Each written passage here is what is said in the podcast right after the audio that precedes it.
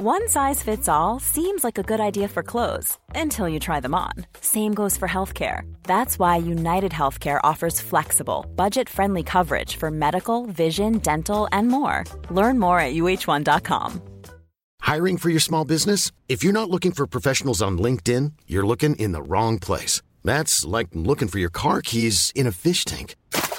LinkedIn helps you hire professionals you can't find anywhere else, even those who aren't actively searching for a new job but might be open to the perfect role. In a given month, over 70% of LinkedIn users don't even visit other leading job sites. So start looking in the right place. With LinkedIn, you can hire professionals like a professional. Post your free job on linkedin.com slash people today. Burrow is a furniture company known for timeless design and thoughtful construction and free shipping, and that extends to their outdoor collection. Their outdoor furniture is built to withstand the elements, featuring rust-proof stainless steel hardware, weather-ready teak, and quick-dry foam cushions. For Memorial Day, get 15% off your Burrow purchase at burrow.com slash ACAST and up to 25% off outdoor. That's up to 25% off outdoor furniture at burrow.com slash ACAST.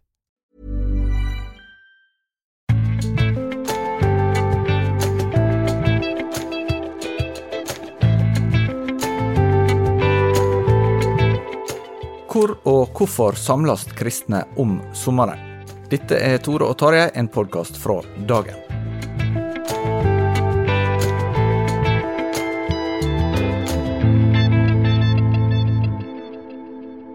Tarjei Gille skulle til å ta ordet først, men jeg greip det.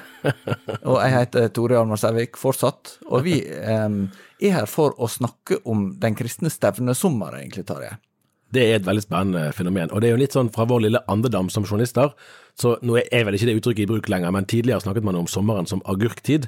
Altså at det betydde at da skrev han saker om agurker og sånn som man kanskje ellers ikke ville skrevet om, for det var ikke så mye annet som skjedde. Mens for dagen så er sommeren høysesong. Ja, for å ta det helt kjapt først, da, så hadde jeg mitt første sommervikariat her i 2002, og, og påfølgende år, 2003, så reiste jeg omtrent fire uker i strekk fra stevne til stevne til stevne.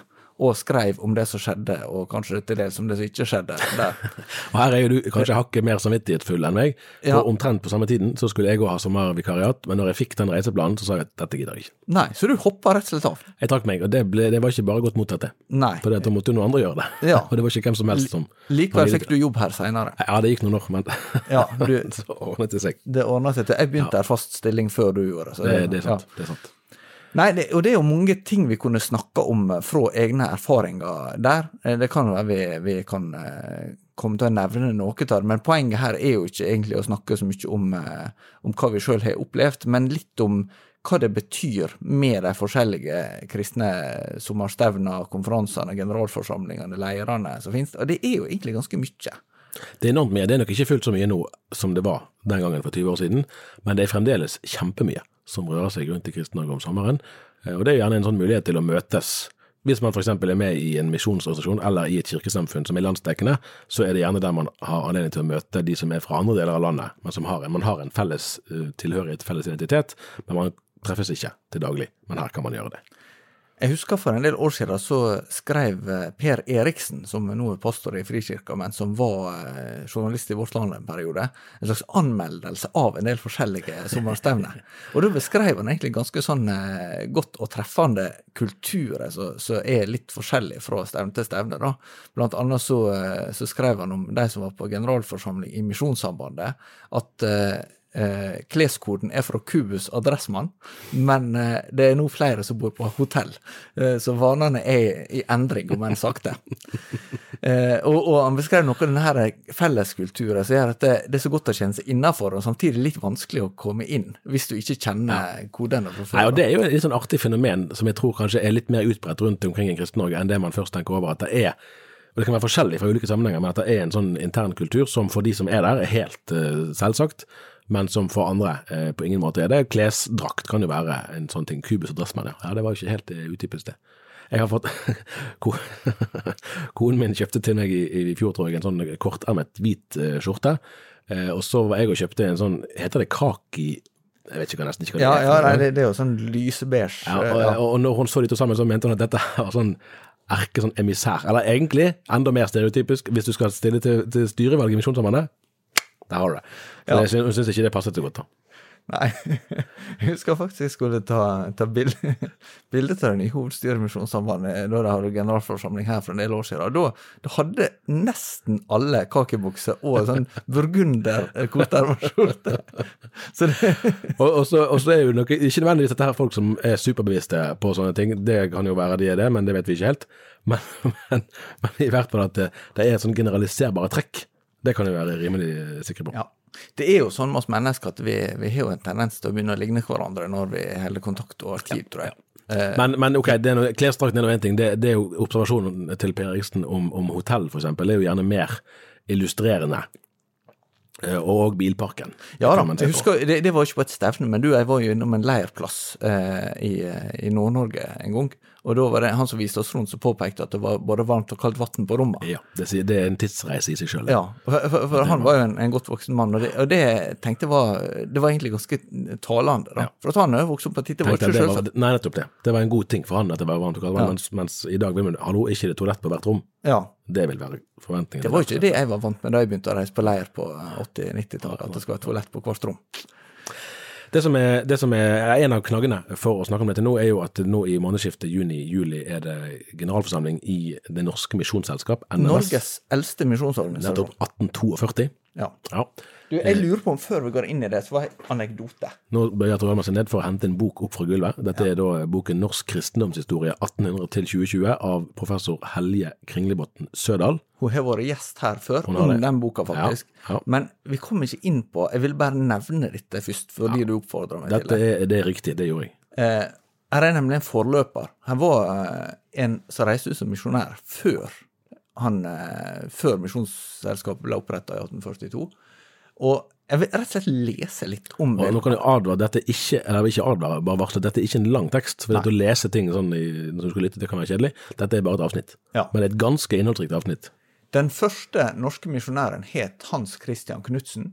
Han dro til sørvestkysten av Afrika utsendt av et tysk misjonsselskap året før NMS ble stiftet. Knutsen er en interessant skikkelse i norsk misjonshistorie fordi han illustrerer både framgang og vanskeligheter i misjonsarbeidet. Det gikk godt for Knutsen den første tiden som misjonær. Han grunnla tre misjonsstasjoner, hvor det ifølge ham selv ble døpt, ble døpt 760 afrikanere. Knutsen var også den første som skrev ned Namakwa-folkets, da kalt hottentotters, språk, og utga flere språk, øh, bøker på det. Han var kunstnerisk begavet og brukte tegneferdighetene i misjonsarbeidet. Så fikk han problemer. Knutsen kom i konflikt med en tysk misjonærkollega og misjonsorganisasjonen han var utsendt for, og med den afrikanske menigheten. Han fikk også ekteskapsproblemer da kona ble deprimert. Etter seks år i Afrika dro han desillusjonert tilbake til Norge, der familien gikk i oppløsning. Kona ble innlagt på asyl, og barna ble tatt hånd om hos slektninger. Selv livnærte han seg som huslærer og forkynner i Lammersvekkelsen. Knutsen omkom i en snøstorm på en forkynnerreise, 47 år gammel. For et drama. Det er helt ufattelig at det er plass til så mye i et 47 år gammelt liv. ja, ja, ja. Eh, og, og det sier noe om hvor, for et enormt engasjement og, og for en enorm innsats og, som har vært lagt ned for det som er Kristen-Norge i dag. Da. Og, det som blir drevet- og sånn sett så er det litt sånn rart når en kanskje i dag strever litt med å samle folk, som eksempel delegater. Eh, det er jo noe som vi snakker om. Er det sånn at en er blitt nødt til å gjøre sommerstevn eller konferanser mer attraktive fordi at det er litt sånn kjedelig med sakspapir, og, og det å, å være med på ja, debatter om strategi og om økonomi og, eh, og så videre. Ja. ja, for det er jo et påfallende trekk for de som har generalforsamlinger. De, altså det er jo en særlig misjonsorganisasjon det gjelder for. Så når du ser eh, annonsene, så er det sommerstevne med generalforsamling. Altså det er sommerstevne som er, liksom, det, er det man, man løfter frem som trekkplaster, stort sett, eh, og her. Eh, Og det, og det er vel i en erkjennelse av at generalforsamling i seg sjøl, det ser ikke ut til å ha den tiltrekningskraften som det kanskje kunne hatt. Men nå har du drevet og lest om generalforsamlinga i NMS, og du finner jo flere interessante ting, forstår jeg. Ja, altså jeg synes jo Dette her, her, er jeg, her er jeg nerd, og jeg synes det der er kjempegøy, faktisk. Det, det er kanskje ikke så mange som, som uh, syns det, men ok, sånn får det være. Jeg syns det er veldig gøy. Og jeg var på min aller første sånn her misjonsgeneralforsamling i 2008. Da var det rett oppe i Bergenshallen, like ved der som jeg bodde på den tiden, så det var veldig praktisk å komme seg dit. Og det var for meg en ny verden.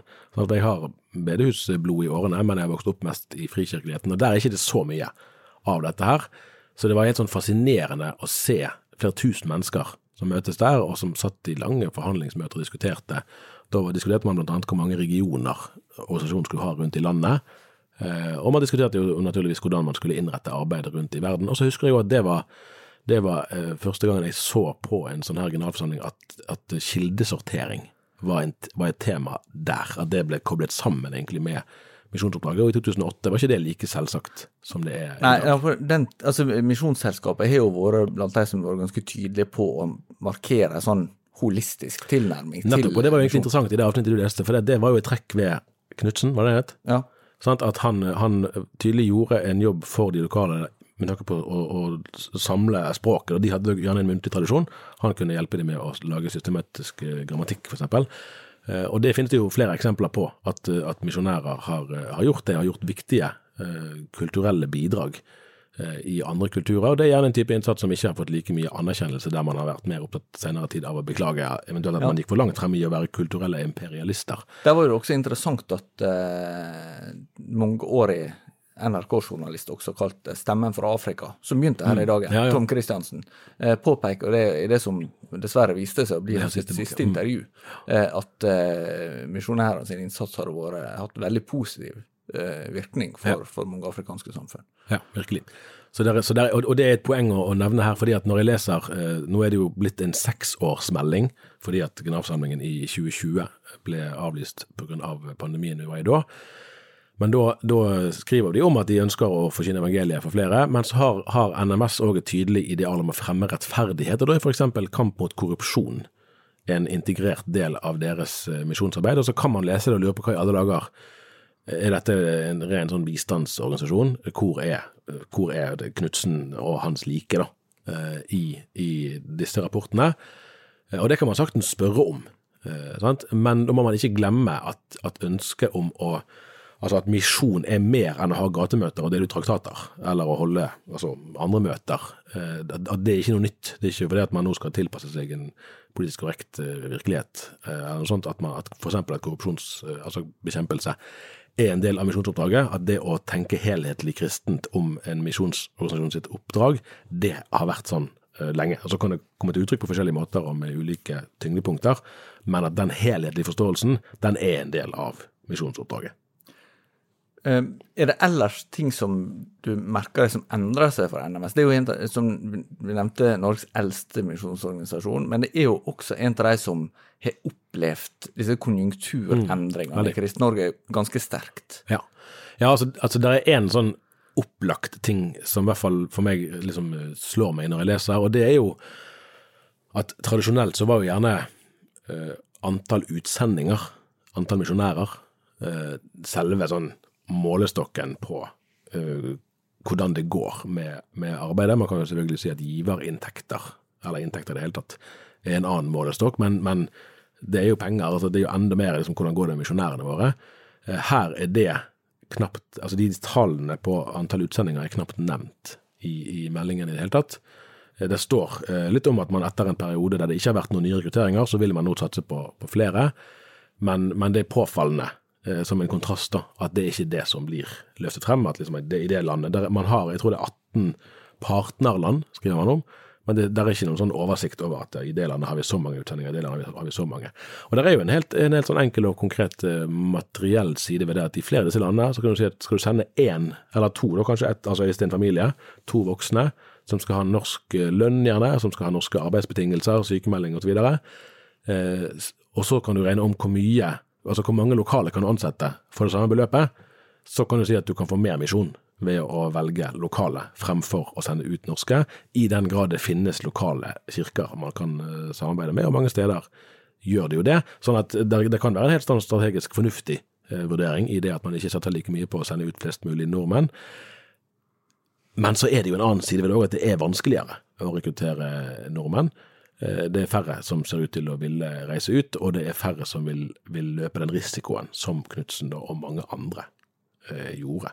Ja, altså, det, er blir jo et, spørsmål kanskje om, om eh, En ting er om du kan si på Madagaskar hvor mange nordmenn trenger du der. Mm. Men du kan også nesten spør, stille spørsmålet motsatt. Altså, hvor trenger ikke norske menigheter at det blir sendt ut misjonærer? Mm. Eh, men det betyr ikke at en skal prakke dem på eh, mennesker andre plasser. Men det vil jo alltid være behov. Altså det med internasjonal kontakt og utveksling eh, har en slags egenverdi utover en rent sånn pragmatisk nyttetenkning fra, med budsjett og med, og med sånne ting. Det, det handler jo egentlig om, om et, eh, et samarbeid om det en fra, fra kristent synspunkt vil si er verdens viktigste oppdrag. Ja, helt klart. Helt klart. Og det, det er en sånn livs, eh, livsåre med en, en kirke som ikke er en sendende kirke. Um, det spørs jo hvilken fremtid den, den har. Eh, så det uh, Kanskje kan man si at, at NMS her er en har vært, jeg, har, jeg har vært på, på, tror jeg, på alle generalforsamlingene siden 2008, og det har vært egentlig veldig inspirerende. Jeg er blitt veldig glad i NMS. Det er En organisasjon som jeg ikke hadde noe tilknytning til, verken privat eller profesjonelt egentlig, eh, fra før. Eh, og, og en av sidene ved de er at de har vært tidlig ute. Eh, og på en måte kan du si at de er kanskje tidlig ute her òg, frivillig eller ufrivillig. Men at de trekkene vi ser, er gjerne trekk som vi kanskje vil se tydeligere andre steder. Og så er jo spørsmålet hvordan man da vil forholde seg. Sant? Eh, Men så står det i, eh, i sakspapirene her at eh, NMS trenger lokale ildsjeler med glød og engasjement, og NMS blir stiftet for å gi en mulighet for mennesker til å engasjere seg i Guds misjon i det verdensvide kristne fellesskapet for å nå nye folk og grupper med evangeliet i ord og handling. Og dette er jo, dette er jo gjenkjennelige ting. Dette vil jo mange misjonsvenner kunne si at ja, det var det som gjorde at jeg i sin tid ble med i, i NMS. Eh, Og vi skal huske på at det er en organisasjon som har, eh, hadde giverinntekter i 2022 på over 25 millioner. Det er ganske mye penger, og hvis man sammenligner det med hvem som helst andre Nordmisjon, Misjonssambandet osv., så, videre, så er faktisk forholdstallene, uten at jeg har alle de andre tallene i hodet, så er ikke de så langt unna som du kanskje skulle tro ut fra at det ikke er så mye vi hører om NMS sitt misjonsarbeid, i, heller ikke i kristne aviser, eh, til daglig, men det er mye mer som skjer der enn man først får øye på. Så så jeg det i forrige uke, var vel at eh, Nei, kanskje veka før, det er jo ikke så nøye. Men, men eh, at eh, de gikk faktisk med overskudd i fjor. Ja. Eh, og det har jo sammenheng med, med bruktbutikkene, som de også har en hel del av, og sikkert også testamentariske gaver, vil jeg anta. Men likevel så, så er det jo eh, sånn at det, det er en ganske betydelig økonomi her, da. Og, og der er mange som er engasjert, selv om eh, gjennomsnittsalder er sikkert er høyere enn en skulle ønske, og at foreningene er færre enn en skulle ønske. Og så har jo Misjonssambandet fortsatt den fordelen som, eh, som eh, NMS ikke har, at en driver egne skoler i ganske stor mm. skala. NMS har jo ikke egne skoler i Nei, og der kan du si Motstykket på et vis da, er at NMS jeg tror det var at de har misjonsavtale, heter det jo, med 580 menigheter i Den norske kirke. Det er vel omtrent halvparten av menighetene som er i Den norske kirke. Og det at de har misjonsavtaler, handler om at da får de et antall kollekter og gjerne noen besøk og sånn, med en viss regularitet. Så det er jo deres, eh, deres base. Så de har et solid, en solid base i Den norske kirke. Samtidig er det jo en kjensgjerning at, at eh, misjonsengasjementet er jo ikke alltid like eh, sterkt i alle deler av folkekirken. Og det ligger en, en sårbarhet, og kanskje kan man si at det er litt sånn det er interessant å reflektere over at ikke NMS eh, altså de velger å satse tydelig på Den norske kirke. Eh, og det er det jo gode grunner for å gjøre. Og, og for så vidt kan du si at en del av grunnene er, er bedre nå enn før, fordi at, fordi at eh, den, norske, den norske befolkningen mer og mer òg ligner på det som vi tidligere ville kalt for misjonsmark. Så det kan være spesielt gode grunner for å satse der. Eh, Men det er jo samtidig en, en mer sårbar rekrutteringsarena, og i lys av nettopp det at f.eks. Misjonssambandet har skoler og forsamlinger som de kan rekruttere fra. Var det mer vi da bør se om NMS, skulle utvide perspektivet litt? Nei, jeg lurer på om vi kan gå et skritt videre. For det er et konkret minne da, som, som vi kan se litt i lys av dette. Eh, og det var fra generalforsamlingen til Misjonssambandet i fjor. For da er det ett øyeblikk som for meg står som det sterkeste, og det var vel på lørdag kvelden. Så, så skulle alle de som da var utsendinger, eh, opp på scenen. Eh, Og da var det litt sånn forskjellige praktiske ting som gjorde at noen av de var kanskje delegater, noen av de var hjemme på ferie, noen av de var på andre slags hjemmeopphold. Så det var en god del av de som var fysisk til stede der i salen på Oslofjord Convention Center som dette fant sted. La oss si det var en 80-90-100 mennesker, jeg husker ikke nøyaktig, som står på scenen og ser utover forsamlingen. Og denne vekselvirkningen da, er at de kan stå og se utover flere tusen mennesker og vite at dette er vårt bakland, og det, er mange flere enn disse, men her er av disse. De eh, står i ryggen på oss, eh, støtter oss. Samtidig som misjonsfolket i salen kunne se dette er våre fortropper, dette er våre frontkjemper, da, som virkelig står i felten og gjør eh, tjeneste i Guds rike. Og, og, saken var jo at vi, det var ikke lov å ta bilder av disse, for mange av de jobber jo i land der det ikke nødvendigvis er, er lovlig å forkynne evangeliet. Og så her så du det. Her, her er måte, misjonsorganisasjonens essens uh, synlig til stede på scenen. Det var et sånn virkelig sånn skjellsettende øyeblikk som du bare kan få av at alle disse menneskene er fysisk samlet der og da. Um, og, og, det er jo noe av det som kan være veldig flott med sånne her generalforsamlinger, der du får samlet mye krefter på et sted. At du kan få noen sånne øyeblikk som liksom virkelig minner om hva er det vi er med på, hva er det dette handler om? Jo, her. Her er det. Og da er det vel ved noe av det som gjør at disse sommerstevna og konferansene og møter og generalforsamlingene og hva en kaller det, samler såpass mange. Mm. Det er jo den opplevelsen av en, av en inspirasjon. Eh, både fordi en møter andre fra andre plasser, og mange lever jo kanskje på eh, plasser der det er relativt lite kristen virksomhet, og færre, så særlig barna, mm. opplever å identifisere seg, liksom som, som de deler tru med. da. Ja. Og eh, både med forkynnelse og kvalitet på musikk, og i det hele tatt kombinasjon med det og ferie for mange er, er viktig. Eh, og, og, det å få et fornya engasjement. Eh, men så, så, så, tenkte jeg på også en, en, en betraktning som Helge Helje Kringlebotn Sørdal gjør seg i den nevnte eh, boka, da, 'Norsk kristendomshistorie'. Eh, og det at i den tidlige fasen, nå skriver vi om, om perioder fra 1800 og, og framover til vår tid, en tidligere fase kan si at mye av misjonsarbeidet egentlig er retta inn mot å møte andre sine behov. Mm. da, mye av det som skjer etter hvert, det at mye kristen virksomhet er retta mot å dekke medlemmene sine mange behov. Mm. Og det er jo sett litt på spissen. Det handler om, om, eh, om eh, også samfunnsendringer med, med, at vi ja, gjerne begge foreldre jobber, og det er mer organisert fritid. Det er mindre sams, naturlig samspill med kulturer, altså der du tidligere hadde måtte, Eh, skole og, og kirke, og sånn, sånn premiss, kristne premissleverandører på et vis, da, som var medspillere. Så opplever en kanskje nå mer at det, en må i større grad møte eh, Altså de kristne impulsene som jeg vil gi det, men, men sørge for sjøl. Og, og, dermed så vil jo også kanskje stevne og sånt endre karakter, da. Mm. Men, men eh, der er jo en sånn spenning her mellom det å være en kristen kunde eller konsument, og, og det å være en en eh, slags medspiller eller en slags eh, ja, en, en tjener, da. Og, og, det er ikke lett å si en, enten det ene eller det andre, men, men, men, det er jo ikke til å unngå at det blir en viss sånn markedsdynamikk også blant, blant stevner, på en måte, og si at ja, men der, der, er det attraktivt. Og det, mm. det trenger ikke å handle om ting som en skal, skal, tjene penger på, eller liksom skal underholde folk med, men at, at noe altså En syns at ja, på det stevnet er det så flott musikk, eller mm. opplever at de har et opplegg for ungene mine som, som, som, de liker veldig godt å være på. Altså, du, du, du har, du har mer sånn um, Du har mer bevegelig masse, da, å henvende deg til. Det var et, en av de virkelig fascinerende opplevelsene den gangen i 2008, på den første generalforsamlingen i NMS som jeg var på. Og Da var det et kor husker jeg, fra Madagaskar.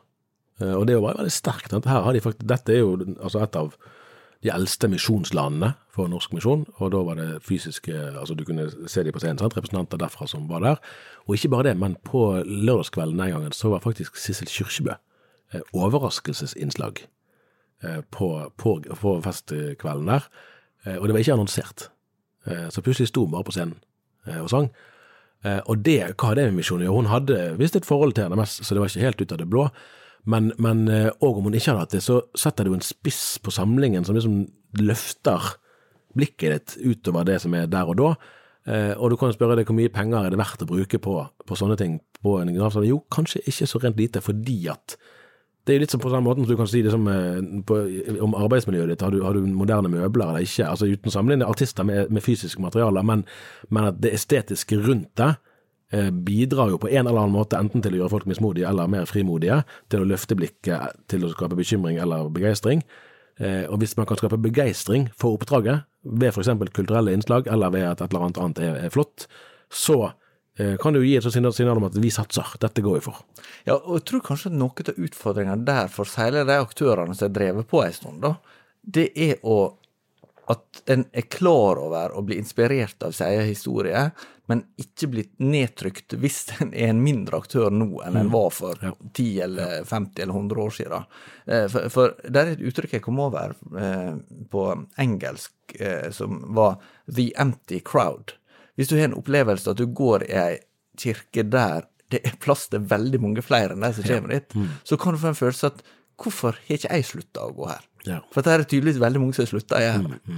Og, og, og det kan, kan nære en slags mentalitet, da. For at, for at du, du har en følelse at det, det som jeg er med på, det var noe stort en gang, men det er ikke det nå lenger. Og jeg tror kanskje at det er sånn, en sånn balanse som som er ganske viktig å, å reflektere rundt, da, for, for sammenhenger. Og så lurer jeg på om, om det tar opp i seg kanskje òg en endring som jeg lurer på om vi ser tydeligere og tydeligere eh, de siste årene. Og det handler jo om hvem er det som skal ta beslutningene her? Hvem er det som faktisk står med skoene på? For, for det er jo noe sånn fint, og journalistisk sett er det jo veldig gøy, syns jeg, med sånne generalforsamlinger, fordi at du har generaldebattene. Eh, Sånn som du har på landsmøter i politiske partier og interesseorganisasjoner, at, at da kan i prinsippet hvem som helst av delegatene ta ordet til hvilket som helst sak, og da får jo vi som journalister får det rett i fanget.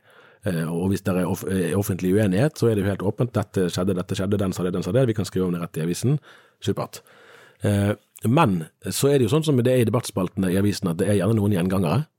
Eh, Og det er ikke bare på individnivå, det kan være på gruppenivå. Altså F.eks. at det er mange flere leserinnlegg fra eldre menn enn fra yngre kvinner. Eh, og det kan jo være noen i de samme tendensene gjør seg gjeldende i debattene eh, på generalforsamlinger. Og da er det flere som har tatt noen grep. Sant? Et grep husker jeg var i, på, i Misjonssambandet i 2015 eller 18. Nei, det var i 18, det var i Oslo- Oslofjord første gang Her har du kunnskap så veldig for hverandre. At der, at der eh, eh, tok de ned eh, timene de brukte i plenumsdebatter, og brukte de i smågrupper for de skulle innlede strategidebatten. Og poenget med det var å få flere på banen. At ikke de samme skulle være dominere eh, talerstolen igjen og igjen. I Indremisjonsforbundet så har man flyttet generalforsamlingen fra sommerstid til lederkonferansen i november, og nå skal Nordmisjonen gjøre det samme, at de flytter sin generalforsamling fra sommerstid til lederkonferansen de har i januar. Og en effekt av det vil jo være at hvis det var deg og meg, Ja. sant? gidder vi å bruke en uke av sommerferien vår på en generalforsamling der mye av det ikke er så spennende, og det koster masse penger å være dit. Skal vi bruke ferietiden vår på det? Nei, vi bruker heller ferietiden på noen ting. Men i januar, da kan vi godt ta en helg og reise til et eller annet sted og være med på generalforsamling. Det går fint. Med andre ord, de som da står og er søndagsskolelærere og korledere og sangmedarbeidere, møteledere, forkynner hva det skal være, rundt omkring i menigheter og på bedehus i landet, det er større sjanse for at de tar del i beslutningsprosessene hvis generalforsamlingen legges til et annet tidspunkt enn sommerferien. Virker det som at flere vurderer, og, og vurderingen kan vi jo diskutere, men selve tenkningen at man ønsker at det er de som faktisk bærer arbeidet fra dag til dag, det er de som skal ta beslutningene, det eh, finnes det jo gode grunner for å forstå, for det er jo faktisk de som, som det er deres engasjement man er avhengig av på sikt.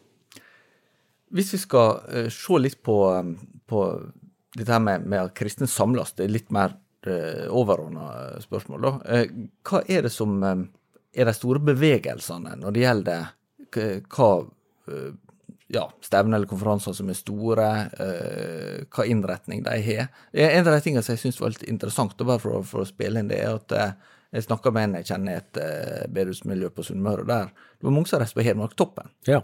Og det tenker jeg, Du skal ikke veldig mange år tilbake. Det er jo Pinsevennene sitt, eh, sin stevneplass, der er folkehøyskole til vanlig, på, rett med Hamar. Og, og eh, du skal ikke veldig mange år tilbake før jeg tenkte at ja, men alle derfra de reiser til Lyngdal på, på bibelcamp. Nei, da, jeg, jeg husker jeg, jeg var intervjuet, eh, det er mange år siden, eh, Ola Tulluan, som var generalsekretær i Misjonssambandet frem til 2010, eh, og han ga meg i hånden et dokument som var liksom Misjonssambandet sin advarsel mot oasebevegelsen. Ja. At det var tydelig noe de hadde, de hadde skrevet ned liksom formelt, som her er vårt, vår posisjon i forhold til de. Mens nå kan du sikkert oppleve at noen av de som går på bedehus i, i Misjonssambandets regi, reiser på sommerstevne i oase. Det tror ikke jeg er spesielt oppsiktsvekkende. Eh, Så der har jo, har jo mye skjedd eh, i, løpet av, i løpet av den tiden, og, det, og, det, og, kanskje er det eh, i hvert fall et av de viktigste svarene på spørsmålet ditt, at, at man er mer pragmatiske og mindre sånn jeg er med i Nordmisjon, ergo reiser jeg kun på arrangementer i Nordmisjon eller Misjonssambandet eller hva det skulle være. Ja. At man, man drar der man finner inspirasjon. Og Der har jo f.eks. familieleirer til unge Oppdrag blitt veldig populære for folk fra forskjellige eh, sammenhenger. Ja. Jeg har vel inntrykk av at det kanskje mer enn en velger ut fra en grunnleggende opplever å stå for en sånn fellesevangelisk Mm. teologi, eksempel. Eller andre som tenker at har de et engasjement her som, som bekrefter det jeg sjøl er opptatt av. Korsveibevegelsen, for eksempel, vil være et Mm. Ja. godt eksempel Ja. på. Der folk med litt sånn ja, jeg, tror man kunne si en viss bredde av teologiske standpunkt standpunkt eh, finner sammen i, i en slags felles tanke om, om spirit, kristen spiritualitet i vår tid, og, og en litt sånn motkulturell livsstil når det materielle. Ja. Og så lurer jeg på da, om vi skal, og vi skal ikke være for navlebeskudd, men her lurer jeg på om det er et, et, eh, en endring i vår egen eh, altså yrkesutøvelse som illustrerer noe som handler om mer enn oss. Og det er jo at når, når du og meg begynte, og særlig du da som hadde disse lange sommervikaratene med massevis, det var enormt mange leirer og stevner man kunne dekke på fire Ja. uker. Og en gang fikk jeg faktisk med meg da Israels statsminister Ariel Sharon sitt besøk i Molde, som et, eh, en parentes der. Men jeg fikk bare se eh, Sharon vinke gjennom et bilvindu eh, på god avstand. sånn nevnt har det vært. Jeg tror, ja, det var, jeg tror han vinka. Jeg var litt usikker. Men så, så gikk det jo noen år, og så kom smarttelefonene. Eh, og da var det jo en periode vi nok tenkte litt at ok, nå kan jo folk eh, rundt omkring heller ta bilder sjøl, og så kan vi ringe til dem og bare la dem fortelle litt om hva som skjer på stevnet, og så får vi eh, like gode reportasjer. Eh, vi slipper både tid og krefter og penger som går med til å reise rundt omkring. Så skjønte vi jo mer og mer at det der var en skikkelig feilslått strategi. Eh, For én ting er på en måte Du kan altså intervjue med leirsjefen eller taleren, hva det skulle være. Ikke nødvendigvis så forskjellig om du gjør det på telefonen eller, eller ansikt til ansikt, selv om det som regel er bedre ansikt til ansikt òg. Men det er jo så mye mer du får med deg når du er der. Møte mellom mennesker, det kan ikke eh, teknologien erstatte. Eh, så nå reiser vi mer enn nesten noen gang, tror jeg, her i avisen når vi skal rundt på reportasjer. Og, og så er det vel blitt mer vanlig at det er faste, altså fast ansatte journalister som reiser, og eh, i mindre grad ja, det er jo en, en faktor. Det er mye det- sånn kildetilknytning. Ja, for det handler litt om at med- en ting at vi må bli kjent med organisasjonene og, og Mm. kirkesamfunnet osv., men, men de må også vite om oss. Ja, ja. Eh, og, og, jeg, og jeg tror kanskje at for dem så er det en følelse at å bli det, det er jo en slags en følelse av en familie, familiegjenforening. For en del. Ja, det og det å oppleve at, eh, at journalister ikke bare dukker opp når det er problemer, at den faktisk dukker opp når det er liksom eh, fest eller mobilisering Ja, eller ja. En er på sitt beste, da. Nettopp. nettopp. Og det gjelder for oss, og så tror jeg liksom det illustrerer eh, en større erkjennelse òg, og det vet vi jo godt egentlig, at, at fellesskapet som oppstår i møte mellom mennesker, det er av stor, stor verdi, og den verdien har ikke blitt mindre eh, med årene. Og det er vel noe av grunnen for at selv om du kan si at omfanget av disse stevnene nok er mindre enn det var for 20 og 50 år siden, så er det, det er en massiv mobilisering som skjer rundt i Kristen-Norge sommerstid eh, fremdeles. Ja, jeg, jeg tror ikke at de blir fulldigitale med det første. Det kan du være rimelig sikker på. Og dette, dette skal bli veldig kjekt eh, å lese om og skrive om eh, i ukene fremover òg her i avisen. Da sier vi god sommer videre. Vi, vi kommer jo altså neste uke. Vi kan si god sommer hver uke. vi kan fortsatt god sommer, sier vi. Ha det bra så lenge.